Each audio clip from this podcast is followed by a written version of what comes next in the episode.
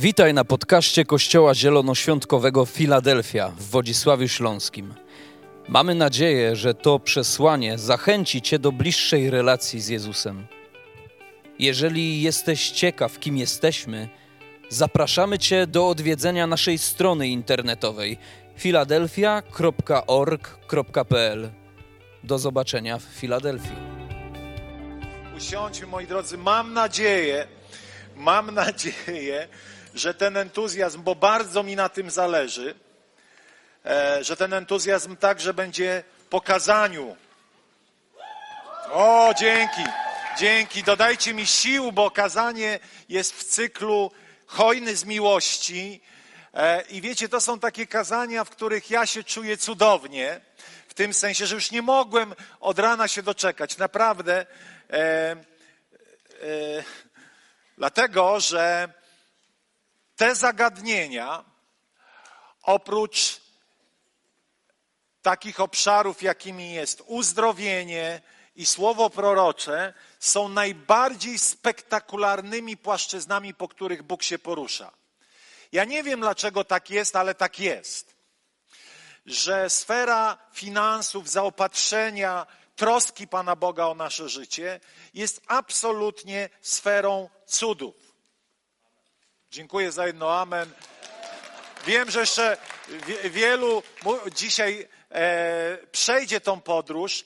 E, jak wielu z Was, to jest takie trochę pytanie retoryczne, ale chciałbym, żebyśmy sami zobaczyli to, jak wielu z nas doświadczyło kiedykolwiek e, raz w życiu jakiegoś cudu związanego z finansami. Pięknie, pięknie, pięknie. To jeszcze raz podnieście i się rozejrzyjcie, żebyście widzieli, ilu nas jest. Rozejrzyjcie się. A jak wielu z Was przynajmniej dwa razy doświadczyło. Wow. A tu już nie będę mówił trzy, ale wielu z Was całe mnóstwo doświadczyło. Dziękuję. Dziękuję. To jest dla mnie bardzo ważne, e, dlatego że naprawdę ja nie wiem, nie pytajcie, jak to działa. Ja nie wiem, jak to do końca działa, ale wiem, że to jest taka płaszczyzna, w której Bóg w sposób absolutnie fenomenalny się porusza. I dzisiaj, jakby pamiętacie, tydzień temu mówiliśmy, żeby nakreślić perspektywę właściwą. Tydzień temu mówiliśmy o tym, że jesteśmy tu na ziemi, aby z tego, co posiadamy, walczyć z niesprawiedliwością tego świata poprzez wspieranie ubogich, bezdomnych, potrzebujących, czyli wszystkich tych, którzy są w jakiejś potrzebie materialnej. I to jest e, absolutnie jedna, jedna z misji Twojej i mojej, abyśmy rozumieli, że, że to, co Bóg nam daje, jest po to, aby przynosić ulgę także innym ludziom. Wiecie, są dwa takie, dwa takie poglądy. Ja krótko tylko jakby odniosę się do tego. I każdy jest właściwy, choć, choć nie każdy z nich osobno nie może funkcjonować bez tego drugiego. Jeden pogląd mówi, trzeba dawać rybę, rybę, rybę, rybę, rybę. Widzisz bezdomnych, dawaj pieniądze. A drugi mówi, nie, nie, nie, trzeba dawać wędkę. A ja myślę i widzę w Biblii, że i wędkę, i rybę. Niestety ci, którzy są za wędką, walczą przeciwko tym, którzy dają rybę. Ci, którzy dają rybę, walczą przeciwko tym, którzy dają wędkę. Kiedy patrzymy na Biblię, to z jednej strony Bóg mocno upomina się o sierotę, o wdowę. Jak on się upomina? No przecież nie przez, ta, nie przez to, że złoty pył spada na potrzebujących, czy złote diamenty, chociaż takie cuda na świecie się zdarzają, złote diamenty, diamenty, e, ale poprzez Ciebie i mnie. I są momenty, kiedy także zaczynając od siebie nawzajem, bo to jest ten pierwsze miejsce tego, tego usługiwania finansami, e, zaczynamy od tego miejsca, od tak zwanych domowników wiary, czyli od potrzebujących we wspólnocie. Zaczynamy poprzez to, że czasami jest, ktoś jest na zakręcie. Ktoś jest w jakimś kryzysie. Tak jak słyszeliśmy tu historię, e, historię e, brata na, naszego pastora Maćka I wiecie, pierwszy odruch to był taki, dobra, startujemy w modlitwie, ale drugi mój odruch był taki, dajmy im jakieś pieniądze. Bo choć w Polsce służba medyczna jest darmowa, to nie jest za darmo. To taki paradoks, prawda? I, I od razu robiliśmy przelew dzisiaj rano, bo miłość musi jakoś wyglądać. Wiecie, bardzo często e, ludzie mają taką trochę, za, za, e, ta, ja nazwę to wprost, trochę taką obłudną e, nutę, że mówią, my się modlimy, my się modlimy, to jest cudowne i wiecie, wczoraj jak oglądałem wideo z tego wieczoru dziękczynienia za przełom, za cud medyczny, wiecie, kiedy widzę takie rzeczy i ja zawsze byłem zwolennikiem tego, że nie ma czegoś takiego albo medycyna, albo cuda uzdrowienia. I to, i to. Amen. I to jest normalne. Jeżeli ci ktoś mówi, ja nie chodzę do lekarza, to to jest już sekciarstwo, to jest jakaś skrajność. Znaczy, ja nie chodzę do lekarza w tym sensie, że zbyt często nie muszę, e, albo mam tak dobrych lekarzy, którzy dbają o mnie, lekarkę. Natomiast, e, natomiast wiecie, i to, i to. Kiedyś mój przyjaciel, pastor Henryk Wieja, lekarz, który wyprowadził mnie z, z depresji, powiedział tak. My przez medycynę zwalczamy także dzieła diabelskie. Prawda? Także poprzez to, że możemy leczyć ludzi z choroby, zwalczamy dzieła diabelskie. I kiedy ten tydzień mieliśmy absolutnie kryzysowy, wiecie, taki e, o, o, o, momenty radosne, za chwilę trochę mi w głowie, a może jednak coś tam, a, i, i sam ze sobą walczyłem w tej modlitwie, sobie myślę, jak ja mogę, jak ja mogę nie wierzyć w to, że Bóg porusza się przez medycynę. Znaczy, ja zawsze w to wierzyłem. I, i wiecie, i tak samo e, e, w sferze zasobów i finansów. Bóg jest Bogiem cudów i zaopatruje w sposób cudowny i używa do tego nas, abyśmy też w sposób cudowny błogosławili innych ludzi. Tak jak Bóg zaopatruje nas przez dobrą pracę. Bo Paweł mówi, jeżeli ktoś ma problem z pracą, to niech nie je. Oczywiście, wiecie, to było mocne stwierdzenie, ale napiętnujące po prostu lenistwo. Prawda? Zresztą y, Pan Jezus mówi o leniwym słudze, o, o, o, o strachliwym słudze.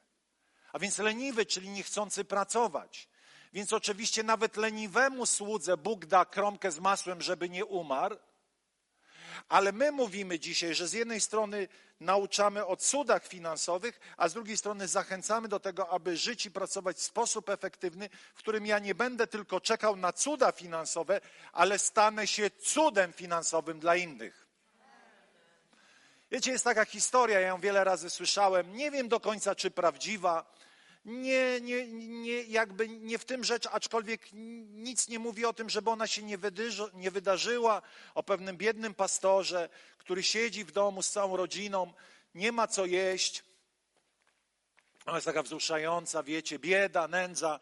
I on tak siada z tą rodziną, te puste talerze. Mówi, Panie, dziękujemy Ci za te cudowne dary i tam się modli, no ale nie mają nic do jedzenia. I kiedy tak się modli, słyszy pukanie do drzwi. Idzie do tych drzwi, otwiera, a tam torby pełne jedzenia. I wiecie, to cudowne być tym pastorem i czekającym na cud. Ale ja dzisiaj chcę być cudem dla takich ludzi. I ty się stań cudem. Przestań czekać na swój cud, ale stań się cudem. I o tym jest ta opowieść, kochani. O tym są te cztery nauczania, żebyśmy byli ludźmi, którzy błogosławią ludzi w potrzebie, ale błogosławią go we właściwej atmosferze i o tym dzisiaj jest. Bo dzisiaj będziemy mówili o radosnej hojności. A więc druga część hojny z miłości to podtytuł Radosna hojność. Nasza hojność ma swoje otoczenie, ma swój klimat. Chcemy, z jednej strony powtarzamy i myślę, że to jest dobre, ponieważ Jezus jest naszym wzorem, On jest najczystszą teologią. Jeżeli chcesz się dowiedzieć, jaki jest, jaki jest Bóg, patrz na Jezusa. Dlatego, że Jezus mówi o sobie, że On jest jeden do jeden, jak Ojciec w niebie. I teraz, kiedy czytam, jak Jezus chodził po ziemi i co czynił, to widzę tam wiele aktów hojności wiele aktów hojności. Karmił tych głodnych, uzdrawiał, tak karmił, że jeszcze zostało 12 koszy, które można było zabrać ze sobą. A więc widzimy jego działanie, rozmnażał wino. I wiecie, wino było jakie? Najlepszego sortu. Przecież mógł powiedzieć, dobra, zróbmy tą bułgarską witoszę, czy jak to tam takie wino było, pamiętacie? Witosza albo bycza krew. E, nie, nie wiecie. Było takie bycza, bycza krew. Było, jest, tak? To takie za 20 zeta chyba, nie? Czy tam... To dosyć przeciętne. Ale Jezus nie, nie, e, wiecie, uwielbiam Amerykanów, bo oni udowadniają, że Jezus nie, nie, nie przemienił wody w wino, tylko wodę, e, wodę w sok winogronowy. No ratunku. Ale przemienił w wino. To znaczy, to nie jest, wiecie, przepustka, żebyśmy teraz hojnie tutaj korzystali z tych wszystkich napojów, ale jednak przemienił w najlepsze wino.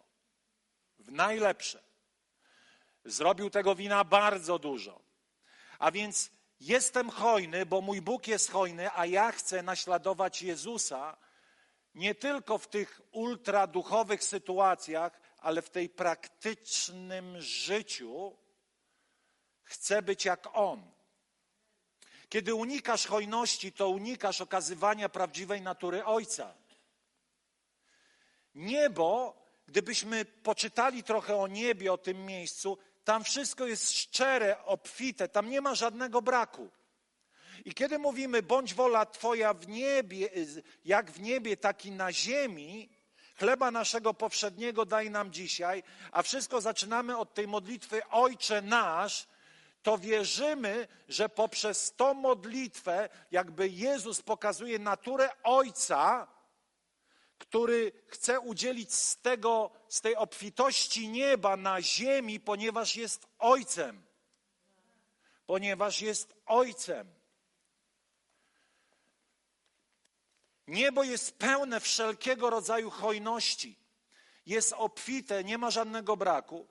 I kiedy zaczynamy rozumieć naszą prawdziwą tożsamość, i to jest coś, co w tym roku mocno będziemy akcentować, abyś zrozumiał, kim naprawdę jesteś. Kiedy zrozumiesz, że jesteś synem i córką, w ogóle w tym pojęciu syn to się mieszczą obydwie płcie, tak na marginesie. E, a więc kiedy mówię jesteś synem, to tak naprawdę mam na myśli synów, mężczyzn, mężczyzn, mężczyzn i kobiety. Przepraszam, dziękuję. A więc jeżeli zrozumiesz serce Ojca i to, kim Ty jesteś, kim On jest, to rozumiesz, że nie braknie Ci niczego, kiedy stajesz w pozycji hojności, ponieważ Bóg ma odłożone zasoby dla Ciebie i kiedy błogosławi innych, nigdy nie robi tego kosztem Ciebie. Ludzie boją się, że kiedy staną w pozycji hojności, to nastąpi jakiś brak. To jest system tego świata. Ten świat mówi w ten sposób, że gromadź ile się da za wszelką cenę, ponieważ tylko w ten sposób będziesz mógł nagromadzić. A wiecie, co Pan Jezus mówi o pewnym mężczyźnie, który postanowił zgromadzić sobie cały magazyn dóbr? Idioto, jeszcze dzisiaj za, zażądam Twojej głowy. Nie pokładaj w tym nadziei i nie próbuj zabezpieczyć się w ten sposób, ponieważ ja jestem Panem życia i śmierci. O tam jest napisane, że on sobie zgromadził i teraz będzie imprezował. I, i Bóg mówi: głupcze, głupcze. Jeszcze dzisiaj zażądam Twojej, Twojej głowy. Jakże wiele razy my możemy w obawie, w niezrozumieniu tego, kim jest ojciec, próbować zabezpieczyć się. Nie jest niczym złym mieć poduszki finansowe, zasoby. To jest, to jest mądre zarządzanie. Ale wiecie, w tym wszystkim bardzo często człowiek boi się dać z tego, co ma, bo boi się, że mu zabraknie. Tak? I wiecie, kiedy zwracam się do Was dzisiaj, kochani, to zwracam się do każdej osoby na tej sali. No może za wyjątkiem tych, którzy są pierwszy i drugi raz. Dlatego, że nie chcielibyśmy, żebyście czuli się w jakikolwiek sposób niekomfortowi. Cieszymy się, że jesteście. Ale, moi drodzy, mówię do każdego. Tak wiele masz, tak wiele posiadasz, i to właśnie mówię do Ciebie dzisiaj, abyś zrobił z tym, co, coś z tym, co masz, ale Twoje nastawienie ma znaczenie. Dlaczego o tym mówię? Dlatego, że hojność jest wykonywana tylko i wyłącznie w atmosferze, nastawieniu, o którym Biblia mówi. Mówiłem na samym początku, że jest mi niezwykle przykro, że wiele razy ludzie doświadczają presji, manipulacji, aby na przykład dawać na kościół. To jest hańbiące. To jest niemoralne. To ujmuje dostojności Kościoła, Królestwa i chrześcijańskich liderów. I nieważne, katolickich, luterańskich, zielonoświątkowych, nieważne. To jest po prostu coś, co odrzucamy jako nieboży sposób motywowania ludzi do hojności. O, powiem tak. Moi drodzy, ale jeszcze raz, wróćmy do tego punktu hojny jak ojciec. Jaki ojciec, taki syn. Wiecie, pamiętam, kiedy nasze dzieci dorastały, powiedziałem tak: Nie jestem w stanie Wam wszystkiego przekazać. Chcę Wam przekazać na pewno dwie rzeczy: wiarę, i w tej wierze mieściło się to wszystko jak miłość, dobroć, wiarę i wykształcenie. To chcę Wam dać. Dla mnie nie ma ceny, aby nie przekazać Wam wiary i pomóc Wam się wyedukować. E, I co w tej wierze? Wiele rzeczy, ale jedną rzecz, od której od najmłodszych lat inwestowałem w moje dzieci, to w ich posłuszeństwo w hojności. Aby one od najmłodszych lat były jak ja, byli, byli jak my, jak my z Angeliką, aby widząc naszą hojność, często to robiliśmy tak, wiecie, trochę na pokaz przed nimi, nie? No to dobrze, Angeliko, to ile damy do kościoła? Tyle, tyle. to daj kopertę, żeby oni tak trochę słyszeli, żeby oni tak trochę widzieli. Przed nimi nie byliśmy anonimowymi donatorami, ale chcieliśmy, żeby oni widzieli i nabyli tego DNA nie tylko względem królestwa, ale także względem innych ludzi. Aby było jaki ojciec, taki syn. A więc jaki ojciec w niebie, taki syn, taki ty. Zobaczcie, ponieważ Bóg jest hojny. Oto Jakub mówi, jeśli komuś z was, z was brak mądrości, niech prosi o nią Boga, który obdarza wszystkich szczodrze i bez wypominania. Bóg obdarza nas szczodrze chętnie. On obdarza nas wszystkich bez wypominania. Psalm 84:12, poproszę tutaj z tyłu, gdyż Pan Bóg jest słońcem i tarczą, Pan darzy łaską, On też wieńczy chwałą i nie odmawia dobra tym, którzy żyją w czystości. Bóg nie odmawia dobra. Ponieważ jesteśmy oczyszczeni przez ofiarę Jezusa Chrystusa, to Bóg nie, nie odmawia nam żadnego dobra. Jest w tym chętny, jest w tym entuzjastyczny. Bóg ma tylko dobre nastawienie, aby Cię błogosławić. Co innego to nasza zdolność do przyjęcia i talent w tym zakresie, dlatego że są różne miary wiary i przyjmowania tych rzeczy. Powiedzmy sobie o tym szczerze że to, co dla jednych będzie doskonałym błogosławieństwem, dla innych będzie po prostu kamieniem u szyi, który ich zabije. A więc Bóg udziela stosownie do naszej pojemności. Pamiętacie historię o talentach? Nie dostali wszyscy równo, bo w Królestwie Sprawiedliwie to nie znaczy równo. Sprawiedliwie to znaczy adekwatnie do pojemności, do, do, do potencjału, który masz. I nieprawdą jest, że każdy człowiek ma ten sam potencjał w tym sensie, każdy ma potencjał dany od Boga. I Twój potencjał jest Twoim największym potencjałem. Nie musisz porównywać się, że ktoś ma inny potencjał i w Twoim rozumieniu wydaje się, że on ma większy. To, to, to jest przekleństwo XXI wieku porównywanie się z innymi ludźmi. On ma więcej, on ma bardziej, a ja mam fajnie, bo on ma mniej. No nie, to nie, nie w tym rzecz. Ale jakkolwiek Bóg chętnie udziela, Bóg chętnie udziela. Bóg jest chętny nam wszystkim udzielać i robi to w sposób entuzjastyczny, w sposób dynamiczny. Wiecie, to nie jest tak, Panie Boże, jestem Twoim dzieckiem, wiesz, mam takie tu różne sytuacje, a Bóg, ach, kurde, znowu wydatki. No już mu raz dałem. No znowu, no znowu coś ode mnie chce, znowu przelew, no znowu na obiadek, znowu na kolację. Wiecie, mówię to w tym sensie, ponieważ czasami to taka rodzinna tajemnica. Mój syn nigdy nie dzwoni w sprawie pieniędzy, ale czasami dzwoni, dzwoni, a na koniec mówi, tatuś, a nie dałbyś przy niedzieli na obiadek synkowi? Uwielbiam go. Naprawdę, e, Karo jest taka, taka będzie cierpieć niedostatek, ale nic nie powie, a ten potrafi o siebie zadbać. Cudowne są te dzieciaki. No i co robi tatuś? Tatuś zawsze da na obiadek. Nie zdarzyło mi się powiedzieć nie. Proszę? A, bo do Angeliki też dzwoni, czyli na dwa fronty jedzie. Biznesmen. Biznesmen. Gry za 150 zł po 5 zeta sprzedawał od, od najmłodszych lat. A, ale bardziej chodzi o to, że jeśli jestem jak ojciec, znam serce moich dzieci, to nie mam problemu z tym, żeby im dawać. Czy on zje obiadek? Nie wiem. Ale wiem jedno, że, jest, że moje dzieci nauczyły się być hojnymi dawcami. Poprzez przykład. Poprzez przykład. Radosnymi, ponieważ chcemy być jak nasz ojciec w niebie. Zobaczcie, jest pewna historia, jeszcze raz powiem.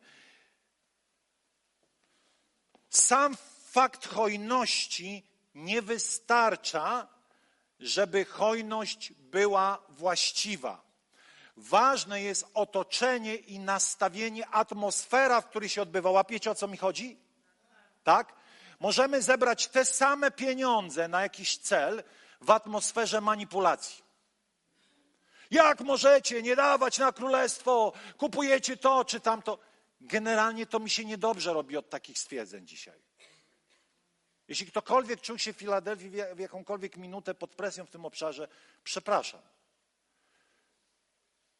Bo to nie jest królestwo. Atmosfera nieba, i o niej dzisiaj będziemy mówić, ma pewne cechy i tylko w tej atmosferze może odbywać się hojność. I o tym wam dzisiaj powiem. Bardzo krótko, jest historia w pierwszej księdze kronik w 29 rozdziale. Nie mamy tego, bo to jest długi fragment, ja go wam opowiem. Dawid wpada na. To złe słowo. Dawid odbiera od Boga w swoim sercu, że jest czas budowania świątyni. Za tydzień powiem wam, albo za dwa może, za dwa chyba, powiem wam, kiedy Mojżesz zbierał środki na zbudowanie przybytku, arki. Ale Dawid dochodzi do miejsca, w którym mówi: Będziemy zbierać finanse na budowanie świątyni. Przybytek już jest, ale teraz będziemy budowali całą infrastrukturę.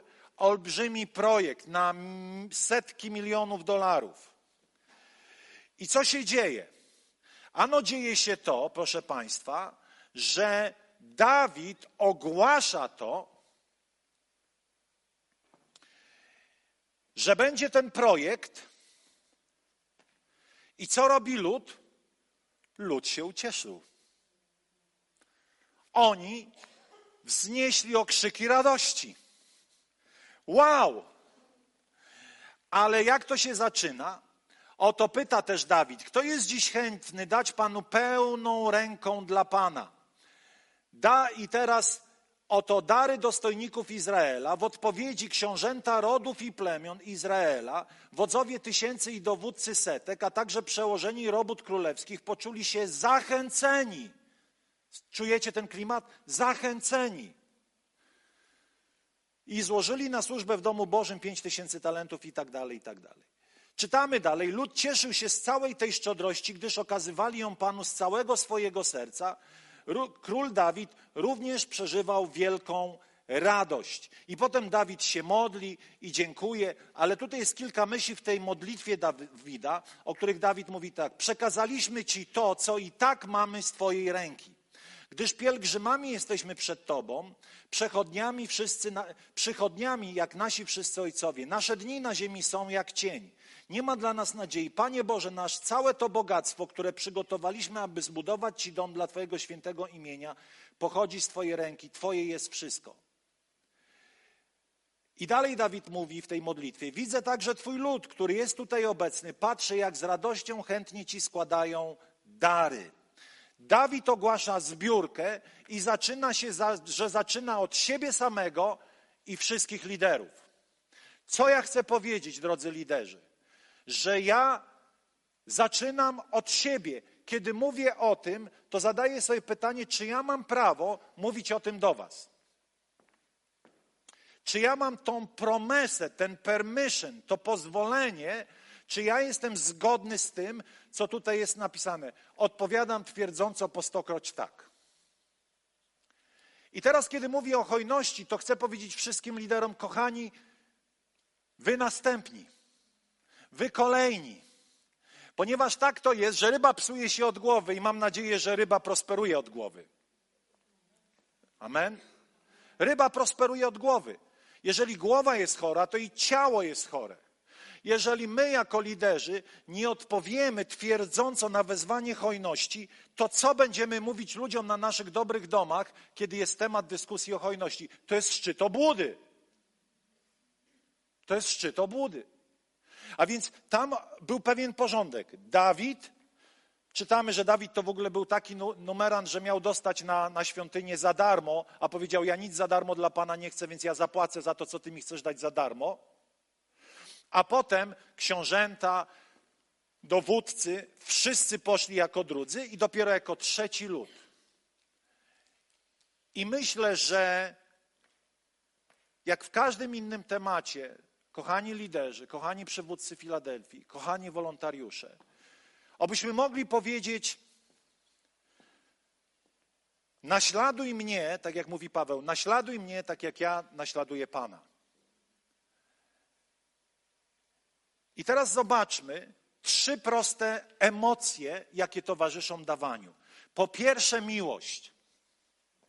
To takie oczywiste, a zarazem takie pomijane.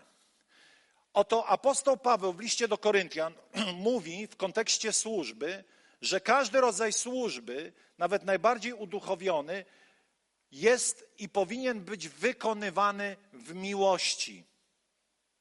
Z powodu miłości.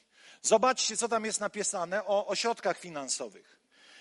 1 Koryntian 13, 1, 3. Gdybym rozdał biednym cały majątek, a sam dał się żywcem spalić, to bez miłości nic bym przez to nie zyskał. W Starym Testamencie od czasów Mojżesza, ponieważ lud, który wychodził z Egiptu, to był lud, a nie, było to, nie był to naród, który był ludem i miał problem z pewną kulturą i nawykami, to oprócz tego, że prawo miało ludzi zbawić, to miało też tworzyć cywilizowane, niebiańskie zasady, niebiańskie nawyki. I ponieważ ludzie byli, przepraszam za to wyrażenie, dzicy, to trzeba było ustanowić w prawie pewne zasady, które przymuszały ich do hojności. Ale prawda jest taka, że przez całe dzieje ludzkości Bóg nigdy nie chciał, aby ludzie byli hojni z przymusu. Zdarzyło wam się, nie odpowiadajcie twierdząco, zdarzyło wam się kiedyś dzieciom powiedzieć: Ty, dzwoń do babci, bo ma urodziny. No nie chce mi się potem. Dzwoń do babci, bo ma dzisiaj urodziny. Gdyby babcia wiedziała, jaka awantura była o te życzenia, byłoby jej przykro. Zgadzać się z tym? Wiem, że wy tak nie robicie, że wszyscy u was, o babcia ma urodziny, dzwonimy. Mamo, zaraz zadzwonię. A więc moi drodzy, babcia ma urodziny i teraz gdyby babcia się dowiedziała, że trzeba było musem zmusić wnuczka, żeby zadzwonił, to przecież harakiri. Proszę? Nie u nas. Ja myślałem, że to u nas było. Nie, to nasze, nasze dzieci nas motywują, że babcia ma dzisiaj urodziny. No dobra, zadzwonimy. I to jest co prawda śmieszne, ale jak czuje się ojciec w niebie, który musiałby nam nakazywać czynienie coś dla niego zmusu. Jeśli mnie miłujecie, jest napisane, to to jest oczywiste, że przestrzegacie moich przykazań. Jeśli macie miłość w sercach, to ona jest podstawą każdego działania. Dlaczego? Dlatego, że miłość jest najważniejszą atmosferą królestwa. Jeżeli coś czynimy z musu, tak jak w pewnym etapie Izrael czynił to z powodu prawa, przynosił datki czy ofiary, dlatego że to było wymusem pewnym, czy myślicie, że Boga to satysfakcjonowało? Nie. I co jakiś czas Bóg mówił, ale ja chcę, żebyście czynili to z serca. Możecie to czynić i nawet to czynicie. Wiecie, faryzeusze to byli mistrzowie dziesięciny. Nawet z kopru i mięty, czyli z zielska, dawali dziesiątą część na ofiarę. A jednak Bóg powiedział, ale nie ma w tym miłości ani do mnie, ani do ludzi, a wasza ofiara jest tylko powodem do tego, abyście czuli się lepsi. Dlatego miłość, miłość do Boga i miłość do ludzi jest początkiem wszelkiego działania. Bóg zawsze chciał naszego serca, a nie naszego działania. Jeszcze raz powiem, ponieważ Izrael był trochę ludem dzikim, to trzeba było to zawrzeć w przepisach. Ale wcześniej tak nie było. Kiedy będziemy mówić o dziesięcinie, to jedynym sensownym przykładem tej dziesiątej części jako aktu uwielbienia w Starym Testamencie był Abraham, bo Abraham był przed prawem i Abraham był nazwany ojcem wiary. Halo, tu ziemia. Abraham złożył dziesięcinę przez wiarę, a nie z powodu, a nie z powodu zakonu. Wiecie, to naprawdę jest żenujące, jak ludzie w taki tandetny i tani sposób mówią, szczególnie w internecie, nie oddawaj dziesięciny, a za chwilę na końcu, a tu jest numer konta, wyślij do nas.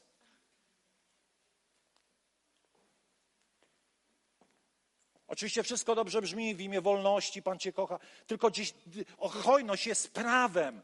To niewiele ma wspólnego to niewiele ma wspólnego prawem, w sensie duchowym prawem. To nie ma nic wspólnego z prawem mojżeszowym, to nie ma nic wspólnego z Torą, to nie ma nic wspólnego z przykazaniami. To zawsze zaczyna się od serca. I pamiętacie, Abraham przyszedł przez wiarę, a Kain i Abel składali swoje ofiary też na poziomie serca, bądź nie, ale tam nie było żadnego prawa. Tam było tylko serce. I pamiętamy, Kain złożył ofiarę z. Już teraz nie chcę, bo nie chcę, że tak powiem, stracić autorytetu, ale chodzi o to, że o Ablu jest napisane, że on złożył pierwocinę. O, kablu, o, o Ablu, nie, o Kainie nie jest napisane. O kablu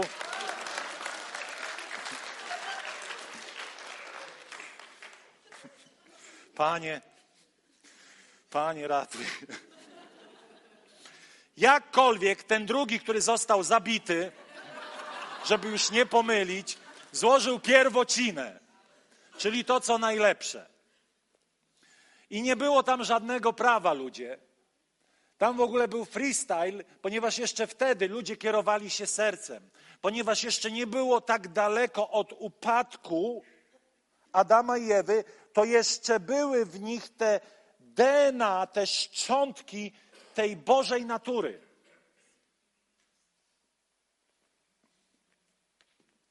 Każdy akt hojności w Filadelfii i poza Filadelfią nie ma znaczenia wiecznego, jeśli nie jest czyniony z miłości.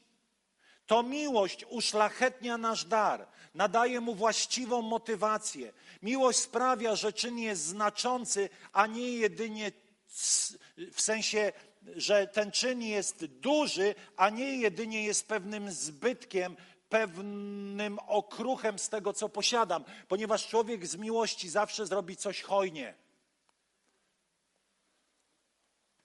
Po drugie, kiedy czynimy hojność, a więc po pierwsze miłość do Boga i miłość do ludzi.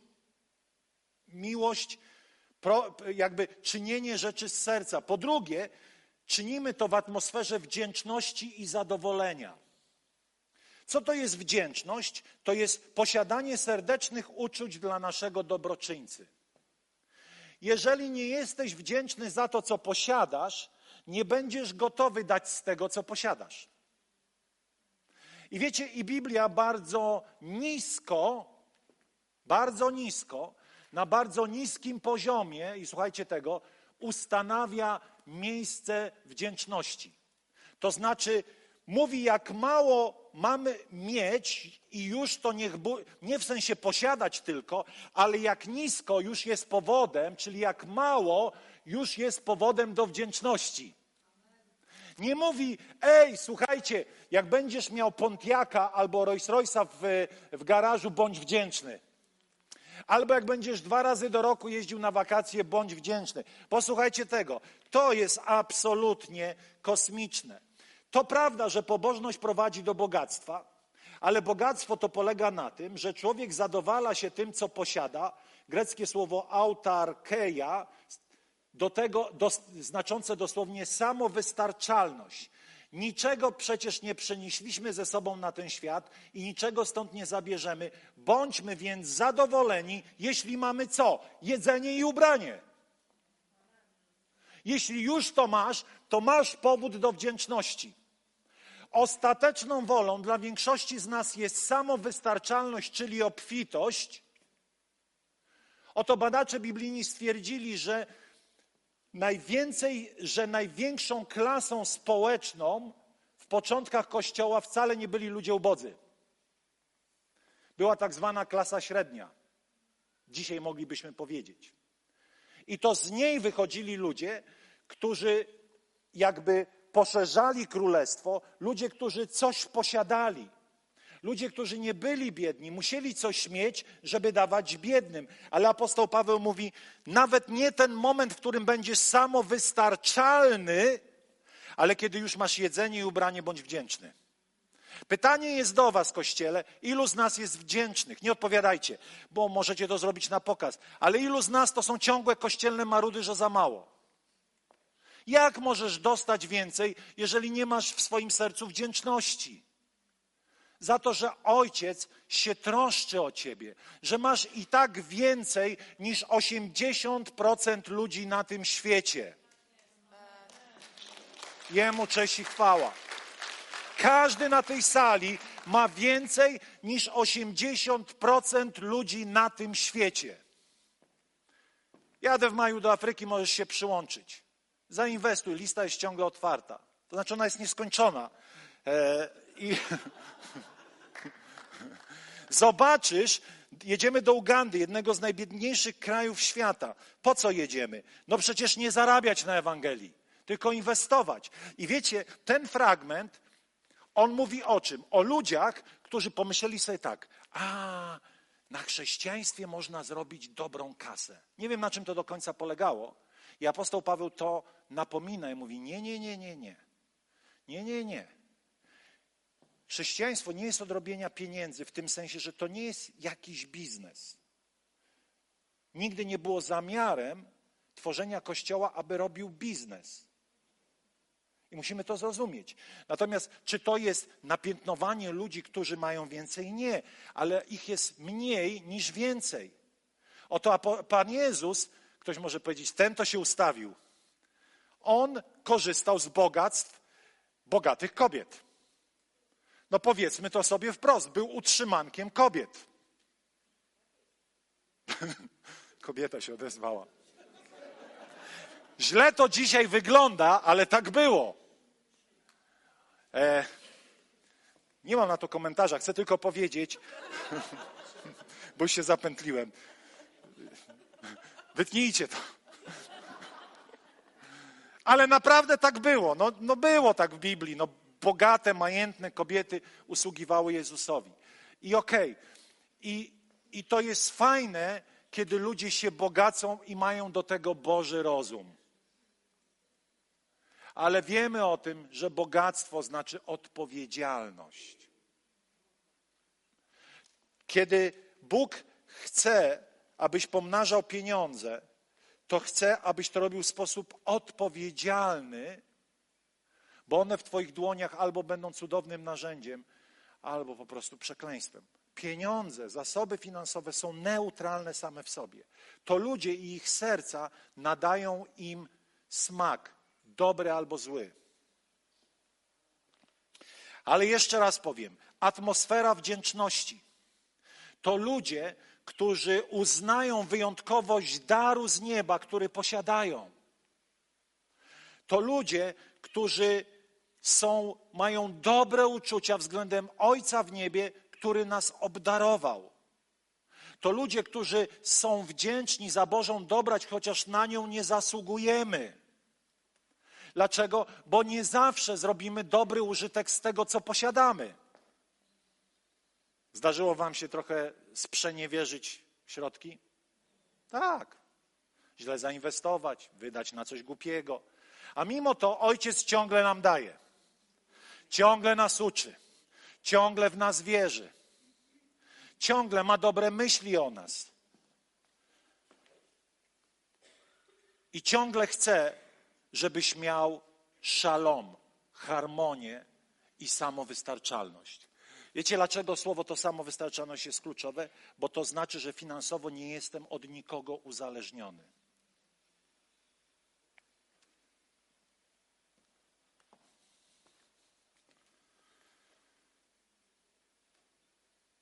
Bóg nie ma żadnego zobowiązania wobec mnie, a jednak się zobowiązał, że będzie mi błogosławił. Dlaczego? Bo jest dobrym ojcem. Zgadzać się z tym? Więc musisz teraz, od dzisiejszego dnia, przemodelować te swoje głupoty kościelne i zacząć wierzyć, że Bóg jest dobrym ojcem. I tak jak mówi choćby jego naj, najbardziej znany psalm: Pan jest pasterzem moim, niczego mi nie braknie. Zacznij tak żyć. Zacznij tak żyć.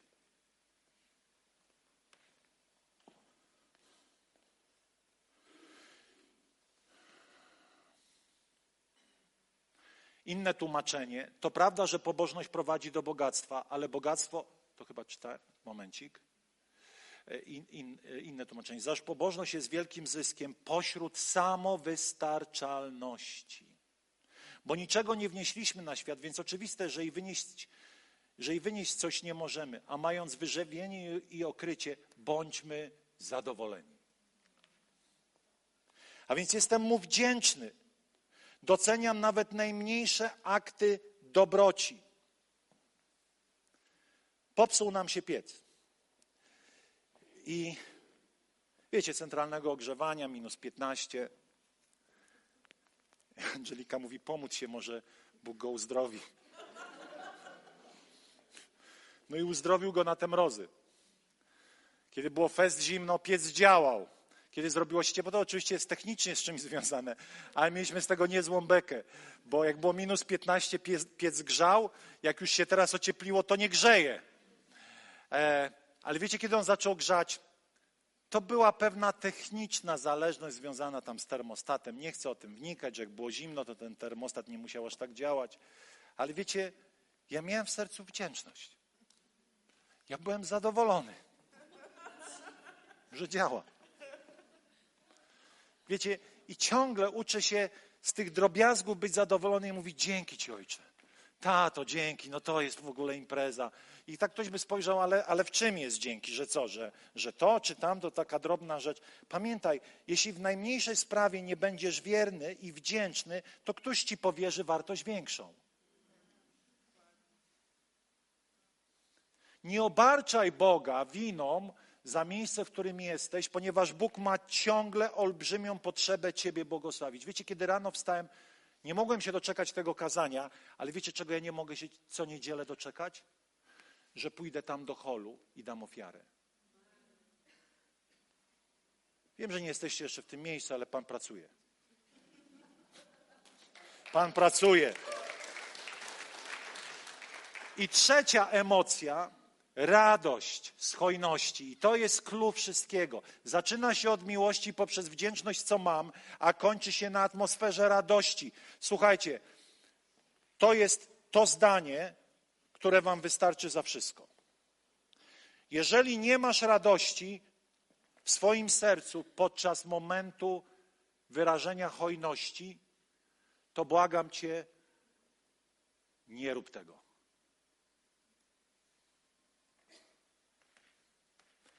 Jeżeli czujesz poczucie winy, jeżeli czujesz presję, jeżeli czujesz niesmak, jeżeli czujesz złość, jeżeli czujesz jakiekolwiek, jakąkolwiek emocję, ale nie masz radości, nie możesz, nie możesz uczestniczyć w hojności, dlatego że i tak to nie ma znaczenia przed Panem, a poza tym miejsce, w którym wyrażasz swoją hojność, czynisz winnym za swoją hojność.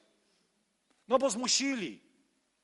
No bo presja. Powiedzieli, że do piekła pójdę, jak nie dam. No różne, wiecie, ludzie przez różne rzeczy się motywują. Jest tylko jeden rodzaj atmosfery, w której możesz być hojny. Skąd to wiemy? 2 Koryntian 9:7. Każdy jak postanowił w sercu swoim, niech zrobi. Nie z żalem, ani z przymusu. Jeżeli jedziecie gdzieś na jakąś konferencję i czujecie przymus, pus, pluń i powiedz gardzę tym. Przepraszam, żartuję, przesadzam trochę, za bardzo sobie pozwalam. Ale rozumiecie, żadnego przymusu, żadnego żalu.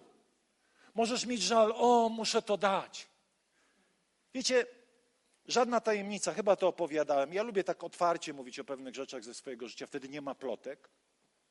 Ponieważ jestem mówcą konferencyjnym, jeżdżę na duże wydarzenia, to też doświadczam hojności ze strony organizatorów. Dużej hojności. Ale Pan powiedział, znaczy właściwie ja zaproponowałem Panu i mówię tak, Panie, ja bym nie chciał służyć mamonie. Ja bym się bał być takim sługą pieniądza i mówię, umówmy się tak, że oprócz tych dziesięcin, ofiar, ja co dziesiątą ofiarę z takiego eventu dam Tobie. To znaczy kogoś pobłogosławię, ale w taki sposób, że ta osoba nawet nie będzie wiedziała, że to ode mnie i tak dalej, i tak dalej. No i liczę, gdzie to wypadnie. Raz, dwa, trzy, cztery, pięć, sześć, siedem, osiem. O kurde, tam jest duża kasa. Tam dają takie ofiary, że o Jezu Chryste. O matko jedyna. Ja wiem, że was szokuje, że ja o tym mówię, ale lepiej wam powiedzieć, bo przynajmniej jak ktoś przyjedzie, to będziecie hojni względem człowieka, bo hojność jest atmosferą królestwa. Wiecie, ja chyba miesiąc walczyłem ze sobą, aż doszedłem do miejsca radości. I powiedziałem, po pierwsze musiałem wiedzieć, co z tymi pieniędzmi zrobić, czyli dać w dobrą glebę. I tak szukałem, aż ten azymut zaskoczy. I kiedy zaskoczył, poczułem tu jedność głowy, serca, ciała. A po drugie, zacząłem odczuwać radość. Bo tylko radość jest atmosferą, której możesz dać.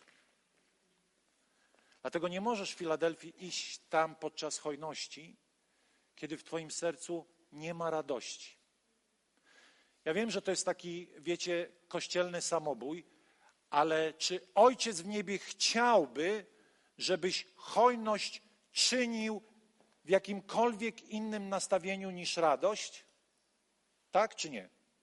Nie. To dlaczego ja, naśladując Ojca, chciałbym, żeby ludzie wspierali Królestwo Boże w atmosferze przymusu, lęku, bólu?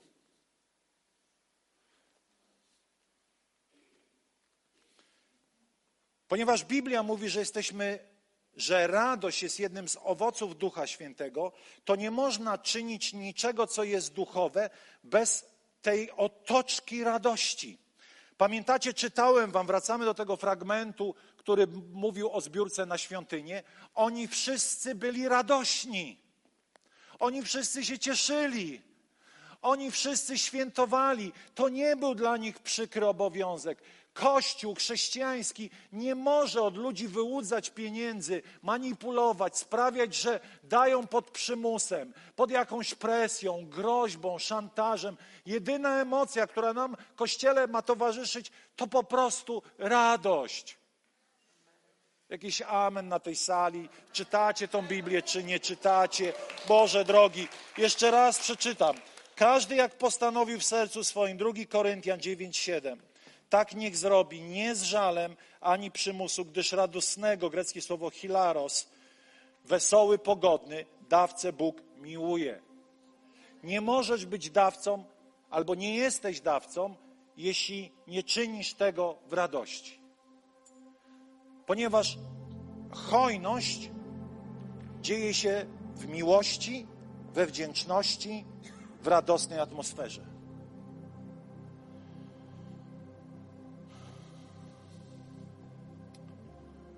Wszystko tak naprawdę, moi drodzy, ile byśmy tu nie wygłosili akcji. Wiecie, jest taki fragment w Malachiasza, kiedy często nauczając na temat dziesięciny, mówcy mówią: Zobaczcie, okradacie Boga i tak dalej. Nie można używać tego wersetu, dlatego że on się odnosi do starotestamentowego porządku. I to nie działa że na chwilę usłyszę, że okradam Boga z dziesięciny. To nie działa. To działa na jedną niedzielę. Ja chcę tylko powiedzieć, że chodzi o serce. Jest bardzo ciekawy werset, który mówi: Tam serce Twoje, gdzie skarb Twój. Tak? Nie na odwrót. Nie na odwrót. Na odwrót byłoby bardziej logicznie. Tam skarb Twój, gdzie serce Twoje. Ale prawda jest taka, że tam, gdzie ślesz pieniądze, tam będzie podążać Twoje serce.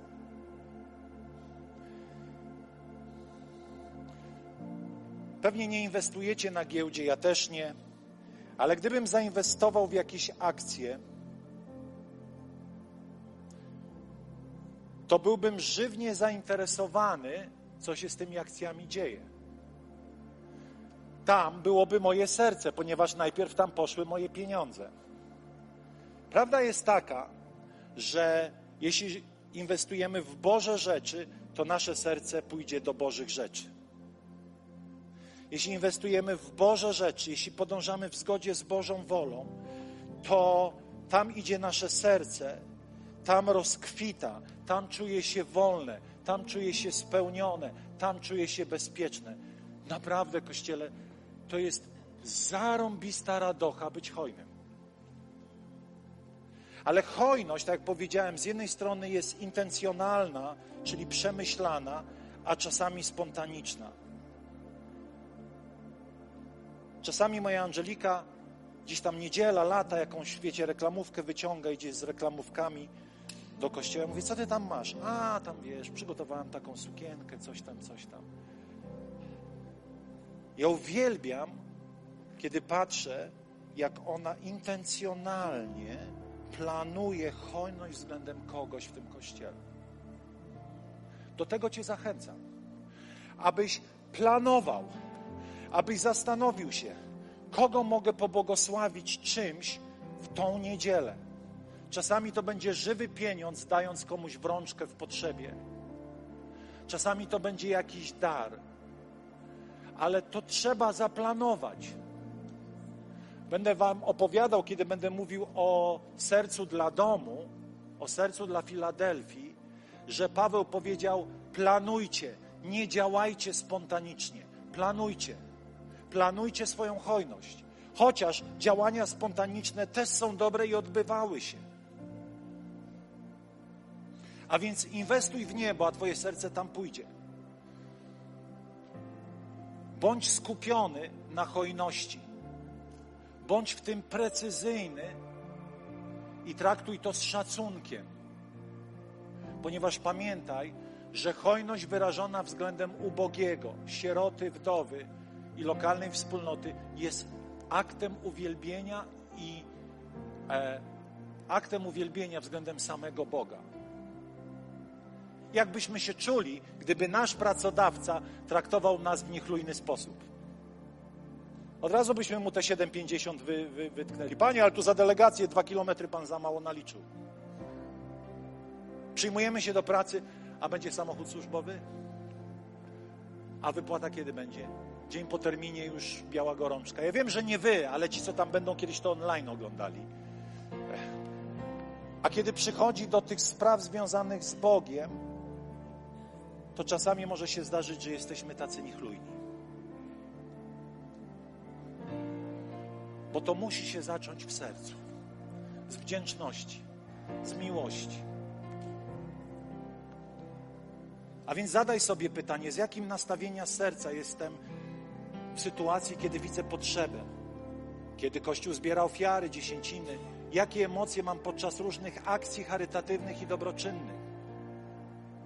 Uświadomcie mnie, yy, owsiak to za tydzień, czy teraz? Za dwa.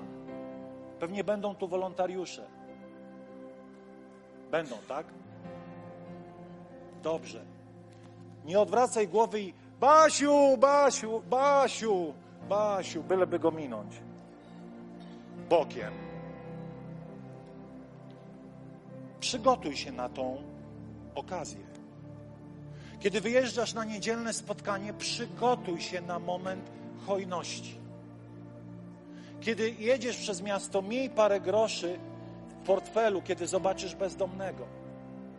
Wypatruj okazji. Wypatruj okazji. Żyj intencjonalnie, ale pamiętaj, jest tylko jeden stan serca, w którym możesz to robić, to radość. Nie rób niczego z przymusu, nie rób, nie rób niczego z presji, nie rób niczego, bo ktoś dobrą gadkę wstawia. Proś Ducha Świętego o wolność, abyś odczuwał radość, pomimo może niesprzyjających okoliczności finansowych. Miałem słowo prorocze do kogoś, kto pracuje. Pracujesz w firmie, w której otoczenie jest bardzo nieprzychylne. Można powiedzieć, że to jest jak pustynia. I ty zastanawiasz się, obecnie jesteś w takim miejscu, zwolnić się, czy się nie zwolnić. I Bóg mówi, jest taki fragment w Biblii, w ogóle jest szokujące, bo kiedyś miałem słowo prorocze, nie znając tego fragmentu, kiedy Izrael szedł na wojnę i utknęli na pustyni i Bóg mówi, kopcie rowy, bo wypełnię je wodą. Słyszeliście o tym fragmencie? Dla wojska. I wiecie, Izrael wykopał te rowy i Bóg napełnił je wodą, aby mogły zwierzęta, konie, bydło, wszystko mogło się napoić. I Bóg chce ci powiedzieć, kop rowy. To znaczy, trenuj się w hojności i pozostań w miejscu, w którym jesteś, ponieważ pomimo, że to jest pustynia i nieprzychylne otoczenie jest Twojej pracy, Ty będziesz prosperował, mówi Pan. Ty będziesz prosperował. Tu jest siostra z Jastrzębia, która mi powiedziała, pastorze, pastor miał to słowo o tym, że czekasz na 10, otrzymasz razy 4. Opowiadała, jak Bóg wypełnił to proroctwo do niej. Wiecie, Bóg jest zainteresowany tą sferą bardziej niż nam się wydaje. Mówię wam serio. Wiecie dlaczego? Bo żyjemy w tym popyrtanym systemie, ale Bóg jest dobrym ojcem i chce nas prowadzić, pomimo, że ten system jest niesprawiedliwy. Zacznij swoją hojność od poziomu, na jakim posiadasz radość. I ustawicznie zwiększaj. Ustawicznie zwiększaj. Pewnego dnia zapomniałem o tym, że daję dziesięcinę i mówię w tym sensie, że już nie pamiętam, że to mi schodzi z kąta. To jest w ogóle fenomen. Pomyślałem, wow, nie odczuwam radości. Znaczy, to zamieniło się w taki, wiecie, uczynek. Podkręcimy śrubkę, damy więcej. I za każdym razem, kiedy podkręcam śrubkę, to najpierw pojawia się lęk, a za chwilę przychodzi radość. Wow, zrobiłem to. Zrobiłem to, zaufałem Ojcu. Zaufałem Ojcu, podkręciłem śrubę, ponieważ chcę więcej dawać, chcę cieszyć się. I wiecie co? Oczekuj cudów. Oczekuj cudów. Mówię to Wam ja, w tym sensie, że ja się trochę na tym znam. Jeśli siejesz pszenicę, zbierasz pszenicę. Jeśli siejesz dobroć, zbierasz dobroć. Jeśli siejesz pieniądze, to nie zbierasz, nie wiem, to zbierasz pieniądze. Często w niewiarze mówimy, nie, nie, to nie chodzi o pieniądze. A o co chodzi?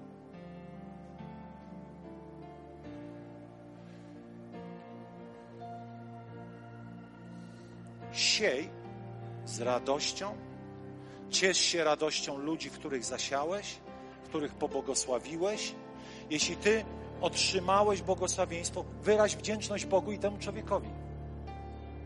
Podziękuj mu, ukochaj go, stary, dziękuję ci, to w ogóle cudowne. Mm, super. Wiecie, jednym z. Nie nudzę was, mogę jeszcze chwilę? bo jesteśmy 13 po, po czasie. E, swego czasu, wiecie, teraz dzielę się sercem. W 2001 roku opuściłem bardzo dużą firmę, żeby pracować w kościele. I jedną z najtrudniejszych rzeczy, która towarzyszy mi od tamtego czasu, to świadomość, że nie mogę pracować i jestem w pozycji pokory, przyjmując wsparcie od Kościoła. To jest dla mnie bardzo trudne. Dlatego, że wolałbym tymi ręcami, wiecie, poszedł do pracy, kupił Mercedesa, a co mi tam? To jest bardzo trudne dla mnie. Ponieważ ja zawsze ceniłem w pewnym sensie niezależność. Ale uczę się wdzięczności, natomiast jest to miejsce, które zmusza do pokory. Co ja chcę powiedzieć? Chcę powiedzieć, że kiedy ktoś przychodzi i chce Cię pobłogosławić, to musisz nauczyć się też przyjmować, bo to wymaga pokory. To wymaga przyznania się, że potrzebujesz pomocy. To nie czyni mnie już takim wow, ogarniętym. I to jest dla mnie trudne. Mi się średnio raz na miesiąc śni to, że ja wracam do mojej dawnej firmy, jestem taki szczęśliwy. To jest lęk jakiś. To trzeba z jakimś psychiatrą chyba przerobić. Nie śmiejcie się, każdy na tej sali jest trochę zaburzony, także żeby była jasność.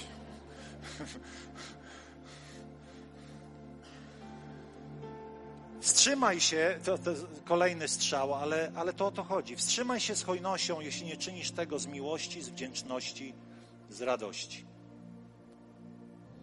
Stań w miejscu, w którym w Twoim sercu zagoszczą te dobre, boskie uczucia. Nie czyń niczego, dopóki nie nastąpi ta transformacja serca. Powstańmy.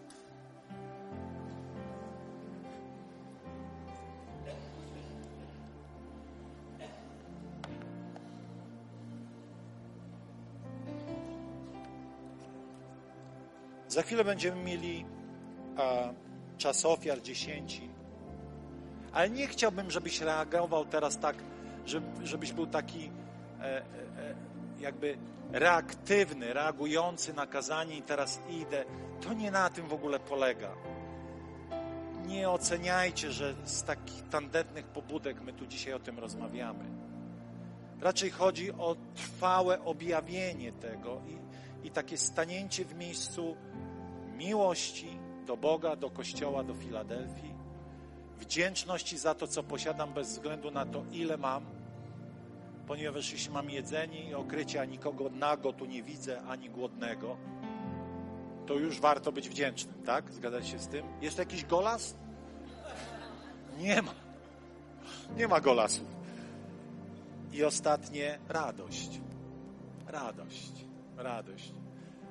I tak składamy Jemu to, co jest Jego. To jest w ogóle paradoks.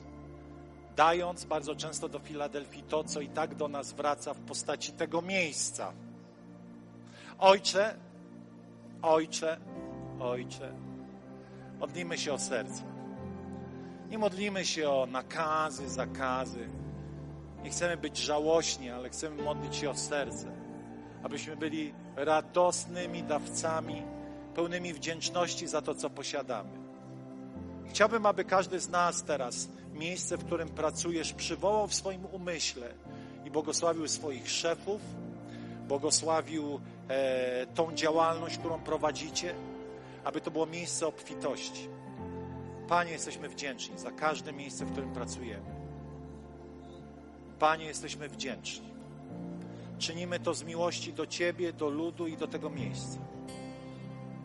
Panie, chcemy, aby w naszych sercach była tylko radość. Ojcze, zatrzymaj tych, którzy czynią coś z religijnego przymusu, a uwolnij radość w nas. Panie, modlimy się teraz. Panie, niech radosne serca zagoszczą pośród nas. Duchu radości, duchu entuzjazmu, duchu synostwa, duchu szalom, pełni, samowystarczalności, obfitości. Ojcze, modlimy się. Modlimy się za tych, którzy prowadzą biznesy, Ojcze, aby prosperowali, aby mieli całe mnóstwo, Panie, aby mieli obfitość, aby, Panie, nie wiedzieli, co z tym robić wszystkim. Aby, Panie, prosperowali. Panie, modlimy się o klasę średnią Kościoła, abyśmy, Panie, doświadczali tej siły obfitości. I modlimy się o ubogich, aby podczas podążania za Tobą przeszli z ubóstwa do obfitości. Ojcze, modlimy się. Panie, modlę się teraz o uwolnienie takiej atmosfery cudów finansowych. Panie, modlę się teraz, aby to była codzienność Kościoła, oprócz tej realnej pracy, którą wykonujemy. Panie, abyśmy żyli w atmosferze cudów, ponadnaturalnych błysków Twojego zaopatrzenia. Panie, modlę się, aby wielu z nas miało mnóstwo świadectw, cudownych zaopatrzeń, cudownych anielskich ingerencji, ale także cudownych miejsc pracy. Ojcze, modlimy się, aby tak jak prorokowano do Filadelfii, aby było to miejsce obfitości. Panie, aby ten rok uwolnił ponadnaturalną hojność wobec ubogich, bezdomnych, biednych, potrzebujących w tym kościele i poza kościołem. Abyś uwolnił, Panie, miłość do domu, miłość do domu, do tego miejsca. Panie, abyś uwolnił prawdziwą tożsamość, że jesteśmy synami Boga Najwyższego i Ty masz dla nas to, co dobre i najlepsze. Ojcze, niech błogosławieństwo nieba będzie nad nami wszystkimi. Chwała Ci, Panie. Amen. Amen. Amen. Amen. Uwielbimy Boga teraz jedną piosenką, a potem będziemy mieli czas ofiary. Mamy coś tutaj do zaśpiewania? Uwielbiajmy Go jeszcze przez chwilę.